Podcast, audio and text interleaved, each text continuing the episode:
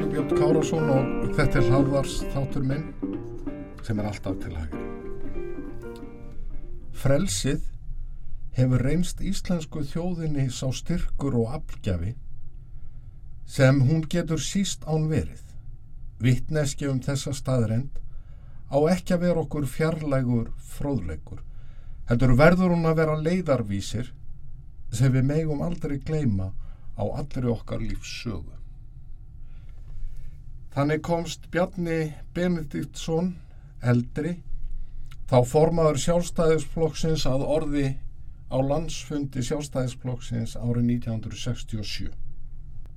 Um áratugaskeið var Bjarni ekki aðeins einn áhrifamesti heldur einnig mikilhæfasti fórstumadur okkar Íslendinga. Og margra verka hans njótum við enn í dag með beinum eða óbeinum hætti. Bjarni kvikaði aldrei fyrir hótunum eða í gaggrinni og róburði sem að fekk þó ríflegan skamt af. Hann fylgdi samfæringu sinni og málafylgja hans og eindrækni reyndust Íslandi vel allt þar til yfir lauk. Og í dag búum við að framsýni þessa magnaða leittóa fyrrum formann sjálfstæðisflokksins fossadisar á þeirra, utaríkisar á þeirra og dómsmálar á þeirra fyrir utan að hafa verið borgastjóri í nokkur ár í Reykjavík. Í tilefna því að það dregur senn að því að við sjálfstæðismenn komum saman til fundar núna í fyrsta skipti í tæplega fimm ár, núna fjórða november næstkomandi á landsfundi sem er eins konar ættarmót okkar sjálfstæðismanna þar sem við skiptust á skoðunum, tökust á um stefnuna en höfum alltaf bórið gefið til þess að ná niðurstöðu.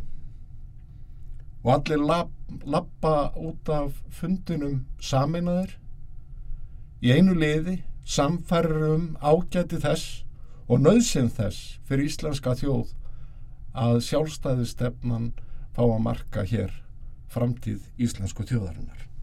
Mér fannst þá því við hæfi að vitna aðeins í Bjarnar Benediktsson eldri. Og ég ætla að byrja á því að vitna í ræðu sem hann flutti á fimm ára ambalisfagnaði vöku félagslýðræði sinnar á stúdenta árið 1940. Og þá var Bjarni Benediktsson 32 ára. Ég ætla að vitna til þess vegna að hann fer á þess yfir kosti þess eða hvað stjórnmálamadur þurfa að huga að og hvaða kosti hann þarf að, að búa yfir. Ég ætla líka að vitna í bladagrein sem hann skrifaði tveimum, tveimur árum síðar í deilum við Árná Jónsson, alþingismann, yfirleitt kendur Árni Jónsson frá Múla.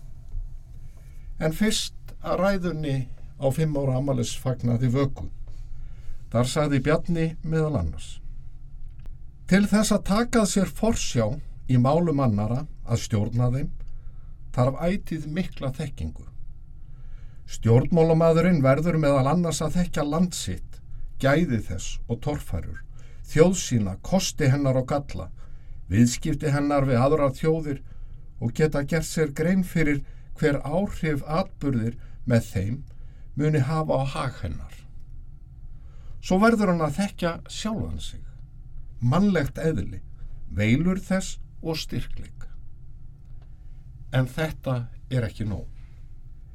Eitt fremsti stjórnmálumadur allara alda, Bismarck, sagði að stjórnmálinn væri ekki vísindi, heldur list, sem sé listin til að sjá hvað væri mögulegt á hverjum tíma og framkvama það. Heið þriðja verður og að bætast við.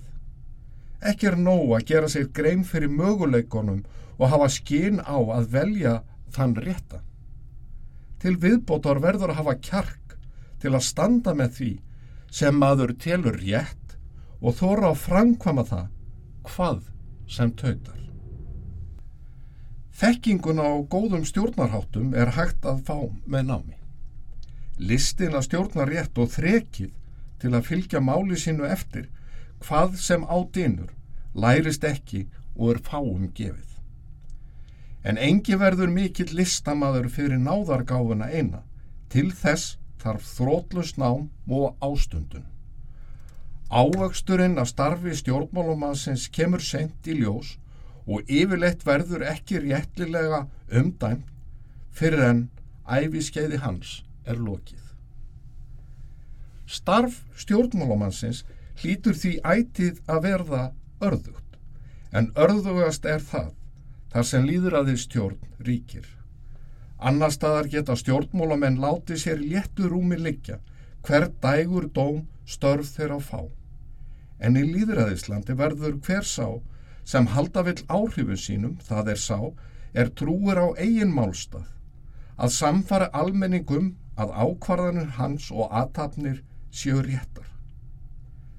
Þetta leiðir þann sem til fórustu hefur verið settur eðlilega oft í þá fristni að velja fremur þá leiðina sem almenningi er gethekari heldur en hina sem fórustu maðurinn telur rétta.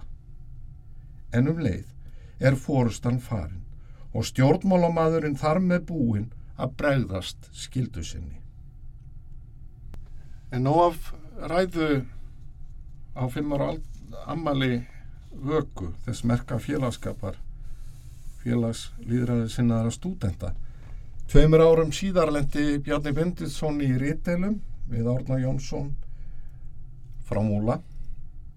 Ég ætla ekki að rekja þær Rítelur en hef áhuga að vitna þess í það sem Bjarni skrifaði vegna þess að þar koma fram viðhorf hans til stjórnmóla og stjórnmólamannsins og hvaða eiginleikum stjórnmálamadurinn þarf að vera búin.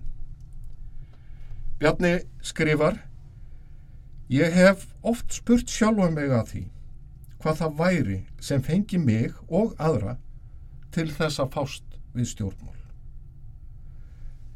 Það er alveg víst að ekki eru til arga samari störf, meira líjandi nýja að minnstakost á köplum vann þakklátari. Fyrir þann sem telur sér sjálfum trúum að hann sé sæmilega heiðarlegur og reynir að vera það, eru þau ekki arðsum. Það þarf ekki íkja mikið sjálfströst til þess að hafa trú á að maður geti útveða sér arðsamari atvinnu en til dæmis að vera borgastjóri. Þess má geta þegar að Bjarni skrifa þessi orð er hann einmitt borgastjóri í Reykjavík og Bjarni heldur áfram. Samt er það svo að ég hef ætið haldið að ságerði lítið gagn í stjórnmálum sem eigi fengist við þau af einhverju innri þörf. Vegna þess að honu fyndist að þau væru hans verkefni í lífinu. Vegna þess að hann þættist hafa komið auga á einhver slík sannindi að hann væri minni maður ef hann legði sér ekki allan fram til að berjast fyrir þeim. Mér skilst að það sé þetta eða eitthvað þvílíkt sem er kalla valdasíki hjá öðrum. Hvað þeir kalla það hjá sjálfun sér er mér ekki alveg ljóst. En ég skal játa að ég hef teksti stjórnmóla afskipta að því að ég hef ákveðna samfæringu um að ef íslensku þjóðinni eigi að vegna vel þá verði sjálfstæði stefnan að verða ráðandi í málefnum hennar. Ég segi það satt og ég er áræðanlega ekki einnum það af þeim sem við stjórnmál fást að ég hef oft heitstrengt það að skipta mér ekki framar af þeim málum. En þegar til kastana hefur átt að taka þá höfum mér fundist ég vera minni maður ef ég legði eigi fram krafta mína til þess að vinna fyrir það sem ég álít rétt. Auðvita hlítur sá sem við stjórnmálfæst að sækjast eftir trösti fólksins. Sumpart er það sjálfsagt persónlegur metnaður en sumpart er það óhjákamilegt skilirði fyrir því að starf hans geti orðið að gagni. En hvernig verður því trösti náð og haldið? Ég hef aldrei komið auga nema á eina leið til þess. Hún er að vinna til trössins, Fólkinu verður ekki sagt að treysta neinum.